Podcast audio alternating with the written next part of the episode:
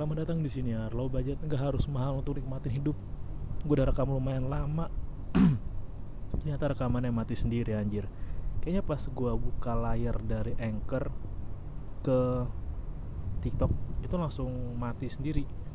Jadi gue lagi mau ngebahas yang lagi rame di TikTok gue. Ini gue jadwal jadwalin tayang tanggal 27.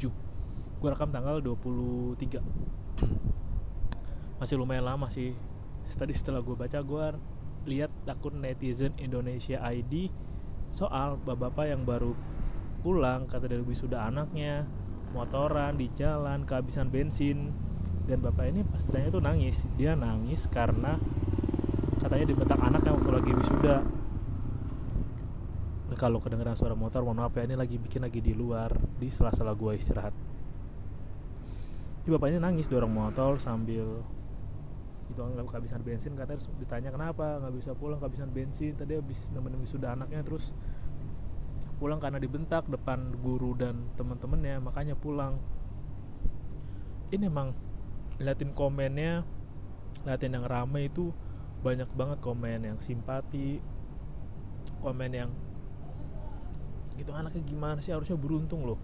Masih punya bapak yang mau nemenin yang mau nungguin mau mau nemenin datang ke wisudanya lah terus ada yang bilang aku iri loh aku pingin waktu wisuda aku ditemani bapak. Tapi ternyata bapaknya dibentak. Nah terus pas gue baca artikel ternyata gue sempat baca di Facebook sih ada kronologinya gitu kan. Ternyata postingannya udah dihapus. Ya dia bilang sih iya lagi nemenin wisuda anaknya sekolah. Terus pas lagi mau nemenin ngebentak anaknya lagi kesel terus banting HP di depan guru sama teman-temannya makanya dia pulang nangis.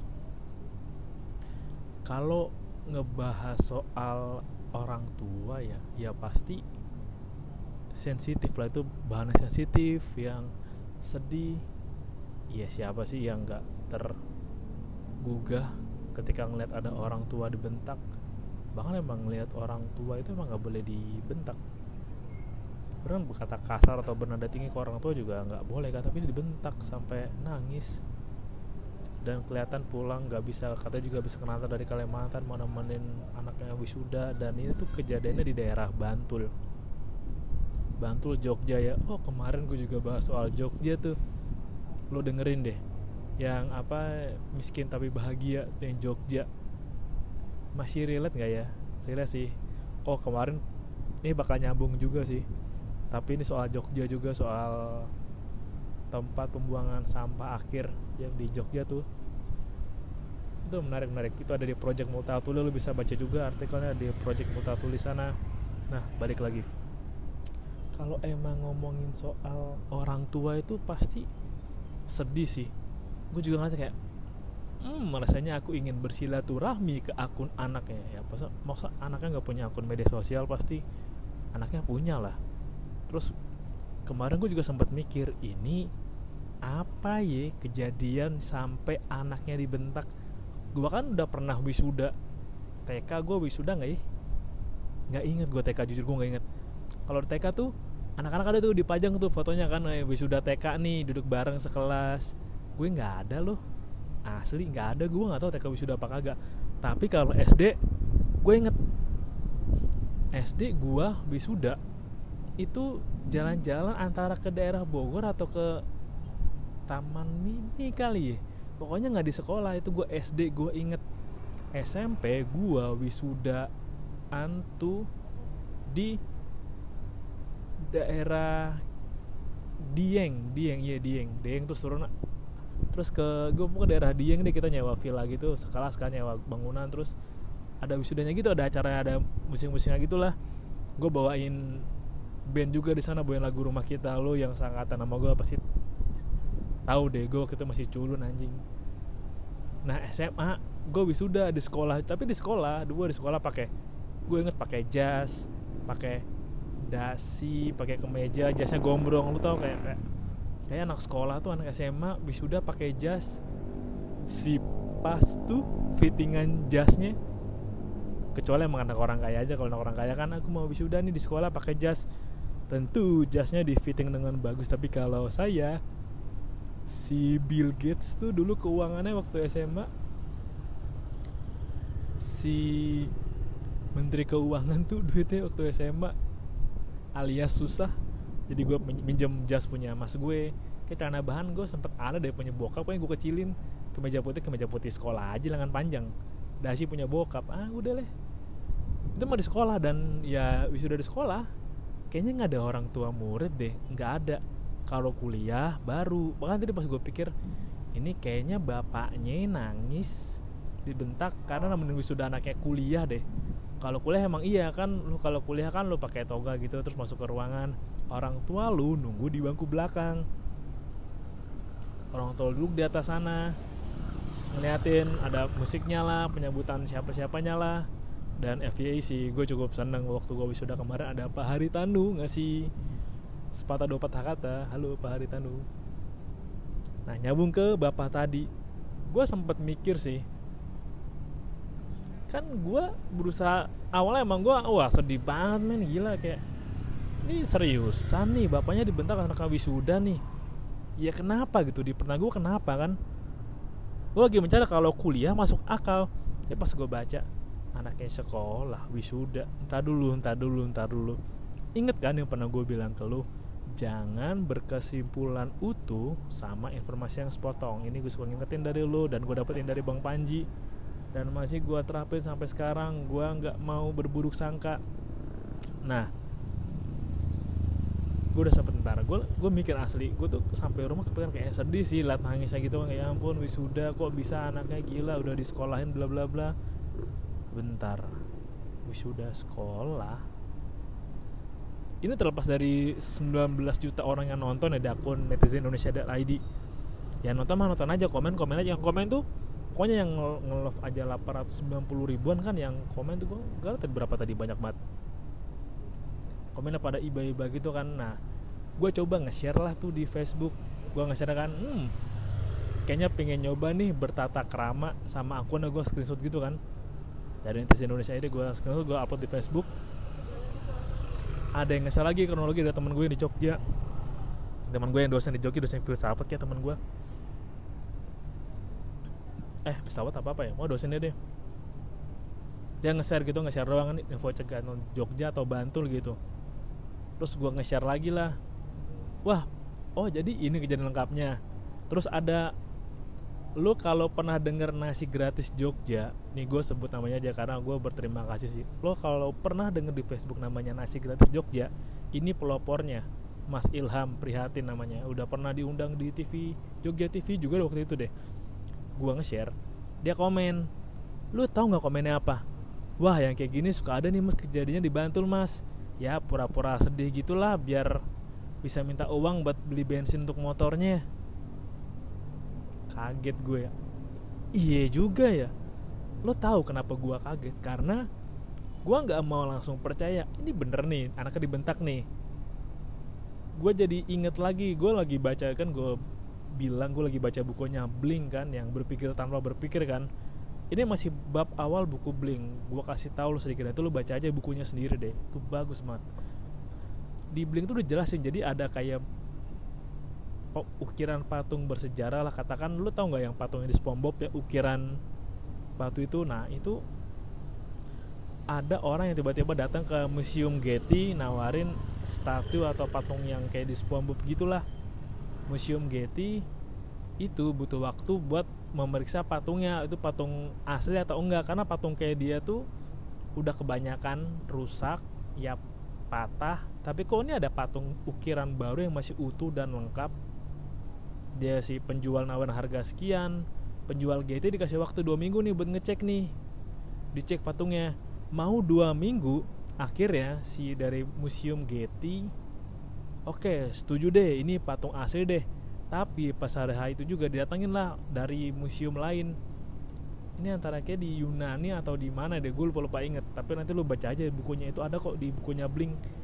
Datengin para kurator kali atau orang yang biasa menilai patung dan ibarat saya yang penilai karya seni lah.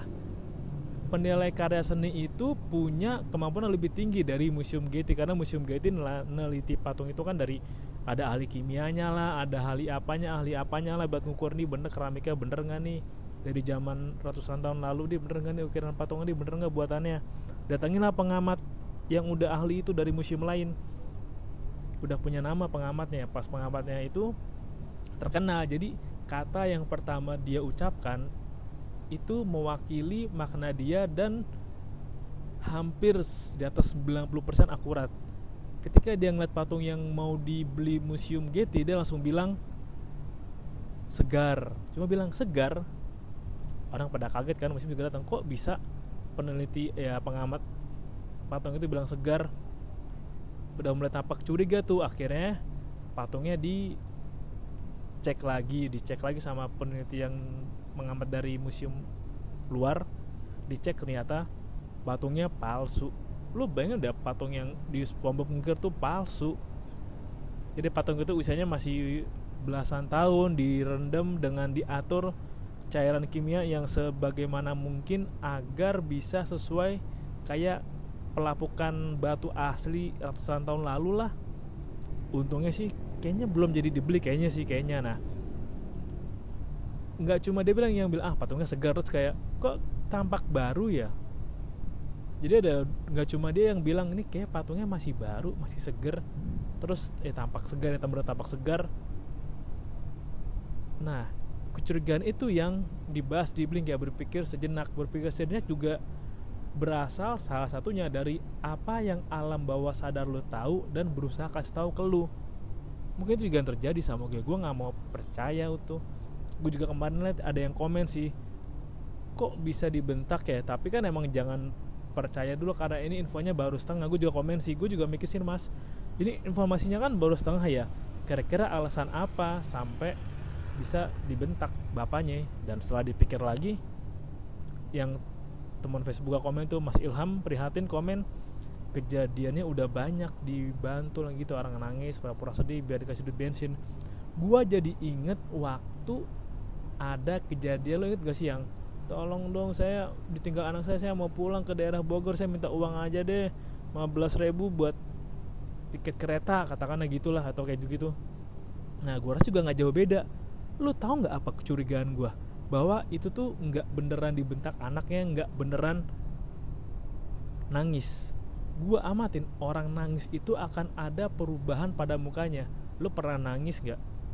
Pasti lu pernah nangis kan? Nggak mungkin lu nggak pernah nangis. Lu nangis pasti pertama hidung lu merah. Kedua mata lu kelihatan sembab. Lu tahu kan orang matanya sembab? Untuk beberapa orang bahkan kalau nangis tuh mukanya full merah semua. Merah semua bahkan kayak tetesan air mata pun juga masih kelihatan. Di ujung mata lo di tepi mata lo tuh masih kelihatan bekas nangis. Dan ada sesak napas bukan cuma pilek doang. Yang aneh adalah dibentak anak. Kalau orang tua menyangkut anak anak itu sesuatu atau bisa dibilang hal yang lebih besar bahkan dari diri orang tua sendiri. Untuk orang tua yang sayang tanggung jawab lo ya. Gue juga kebayang kalau misalkan orang gue pernah bikin orang tua gue nangis kayak pernah gue sih pernah sih. Gue bikin nyokap gue nangis. Waktu gue ngasih tanamannya ke orang bibit tanamannya ke orang tanpa sepengetahuan doi. Nyokap gue nangis kayak gitu gue digaplok bokap gue nama juga masih SMP kan masih tolol. Itu gue nyokap gue nangis oh nangis? Kayak gitu. Lu, lu kalau pernah orang tolol nangis pasti tahu nangisnya itu mana nangis bener mana nangis bohongan. Misalkan itu nangisnya beneran kok itu matanya sipit-sipit gitu sampai apa yang kurut-kurut matanya kelihatan. Ya kalau orang kurut mata kelihatan belum tentu kalau emang orang kurang tidur juga matanya bengep. Bengep sama sembab itu dua hal yang berbeda. Banyak kegocek sih gue hampir kegocek hampir banget. Tapi gue langsung kayak tahu aja oh kayaknya ada yang salah nih. Asli salah dan dia bersyukur sih coba kalau dia seandainya buka donasi yuk. Misalkan bapaknya mau pulang Kalimantan lagi kita buka donasi biar bapaknya bisa ke Kalimantan. Yuk warganet yang tahu anaknya habis kebentak dia terus dia nangis ayo patungan nih dia bisa pulang Kalimantan. Lu mau kena kayak Audrey kemarin di prank se Indonesia di prank sama Audrey se Indonesia Ayo coy. Yo, yo dari mana coy? Bayangin di prank si Indonesia lagi di prank. Emang sih memanfaatkan simpati itu gampang kalau udah bawa kayak nama keluarga nama orang tua atau bawa anak. Wah itu gampang dapat simpatinya. Oh kecurigaan gue ada lagi. Gue curiga sih kenapa nggak pakai jaket ya. Meskipun bilang jaketnya kan bisa aja bang taruh di bagasi motor. Kan motornya super rapid bisa jadi taruh di sono di bagasi udah. Bisa aja sih itu emang argumen kurang kuat gue ngamatin tangannya nggak pakai sarung tangan nggak ada bekas masker. Gue kalau ngeliat bokap gue dorong motor tuh kayaknya gak sampai mikirin jaket taruh bagasi sih. Kalau gue ya bokap gue gue liatin dorong motor ya. Tapi tapi itu argumen gue yang kurang kuat. Tapi kan kegocek sih Indonesia 19 juta orang nonton termasuk gue kegocek hampir gue gue hampir. Kayaknya yang banyak kegocek deh. Makanya emang perlu banget perlu men. Perlu mengutamakan logika. Lu bayangin untung kita nggak ada aksi solidaritas gitu-gitu. Ini yang mengapa gue bilang itu bohong? Karena temen gue yang Facebook temen Facebook gue Mas Ilham yang tinggal di sana udah lama dia yang punya gerakan nasi gratis Jogja kan ngamatin keadaan sekitar. Dibilang sering kejadian di jalan yang sama ya memperkuat dong makanya mesti hati-hati. Kalau orang yang awam mungkin lihat oh sedih sedih sedih. Karena emang salah satu cara untuk mendapatkan simpati adalah dengan membuat sedih. Sama kayak ini mungkin analoginya sama-sama tapi nggak begitu sama. Sama kayak ada pasangan yang ah, ini anjing lucu banget lagi. Ada beberapa versi sih yang paling lucu kayak ya gini lo tau lo pasti pernah di twitter deh yang. Sayang aku sakit nih. Sakit apa? Aku umurku nggak panjang. Terus ya aku sakit aku parah. Terus aku mesti gimana sayang? Aku dia punya permintaan terakhir. Permintaan terakhir kamu apa sayang? Ini cowok kecewanya kan? Nah sayang aku boleh lihat tetek kamu nggak untuk terakhir kalinya? Anjing lucu banget. Anjing ada lagi di twitter gini ada. Atau kayak ah ada lagi. Nggak jauh beda sama ini. Kayak sayang aku demam nih kenapa? Kamu udah udah minum obat belum? Udah sayang tapi aku demam. Kenapa? Kamu sakit apa nih? Titik aku tegang nih. Kok bisa tegang? Iya katanya demam masih dikeluarin. Terus aku ngobatinnya gimana sayang? Coba kasih lihat tete kamu dong. Anjing. Anjing lu coba ngambil simpati kan? Iya. Kan contohnya beda tapi sama sama-sama mengambil simpati dengan memanfaatkan ya tadi kayak kelemahan diri atau kayak lagi keadaan nggak sehat. Jadi kalau orang sakit kan pengennya ya udahlah dimanjain lah biar sembuh gitu kan. Masa lo kalau lagi sakit nggak pengen dimanjain atau nggak pengen rasa manja? Lo gue enggak sih. Gue sakit survival aja udah. Kayak kalau misalnya gue sakit ah sakit bangsat. Gak lawan sakitnya. Setan dengan sakit. Nggak boleh sakit. Gue gitu sih. Kan kalau zaman bocah ya wajar kalau zaman zaman ababil tapi ya kayak gitu kan. Ya gimana ya untung sih gue nggak tahu sih. Berapa banyak yang kegocek tapi komen-komennya juga pada wah anak durhaka mana sini aku ingin silaturahmi ke akunnya tapi anehnya juga yang ngepost yang ngasih tahu eh yang nge-share di Facebook juga dihapus. Berarti kan seperti ada sesuatu karena nggak tahu banyak juga kejadian kan? Banyak kan? Atau kayak yang pernah gue lihat tuh di waktu gue lagi main malam-malam kan pasti memanfaatkan usia kayak buat sedih-sedihan lah. Gue aja pernah lihat depan mata kepala sendiri gue nongkrong depan pancong ada mas mas naik motor karisma hitam abu-abu nurunin nenek-nenek yang udah tua gitulah nurunin neneknya disuruh ngemis depan mata kepala gue sendiri. Itu gue nongkrong setengah 12 malam. Nenek-nenek suruh keluar buat ngemis. Itu kayak aku sedih ku nggak punya uang kasih aku dong ternyata pas dibongkar itu nenek-nenek duitnya lebih banyak dari lu. Amsyong gak lo kalau kayak gitu? Kan gue bilang lo mesti hati-hati lu jangan gampang terpicu kesedihan kecuali kecuali kalau lu pernah lihat ini di video kayaknya di TikTok kita bisa ada deh. Ini yang mesti lu bantu yang ada anak kecil dia tiduran di makam seseorang terus bawa dagangan. Kalau di kita bisa dibilang itu makam bapaknya sih jadi tinggal bapaknya. Ketika masih SD ibu juga udah meninggal dulu atau udah pergi ke mana nggak tahu. Dia jualan sendirian. Itu yang mesti lo bantu. Anak-anak yang mesti lo bantu. Kenapa anak-anak? Kan anak-anak jauh lebih murni hatinya lebih murni. Walaupun ada anak-anak yang sekarang yang udah kenal duit atau dipaksa karena keadaan karena lingkungan dia dipaksa jadi kayak kriminal lah. Tapi anak-anak tuh yang mesti kita bantu dan kita utamain tolong. Karena anak-anak tuh harapan buat lu harapan buat gua ke depannya itu yang mesti dibantu. Gue jadi inget sih kemarin gua itu kan ngobrol-ngobrol dan gue inget di film zombie yang Korea ini ada yang bilang kok kalau ada kejadian saya ada serangan zombie nih lu bisa nyelamatin satu orang antara orang tua sama anak-anak. Yang mana lu selamatin kalau milih selamatin yang orang tua atau yang dewasa lah lu punya kekuatan untuk bertahan dan melindungi diri. Kalau lu nyelamatin anak-anak lu jadi harus melindungi dia. Pertahanan lu lemah tanggung jawab lu makin banyak dan kemampuan lu diserang akan makin besar. Tapi seenggaknya lu punya harapan yang mana yang lu pilih. Nah si karakter utama juga milih gue milih nyelamatin anak-anak deh.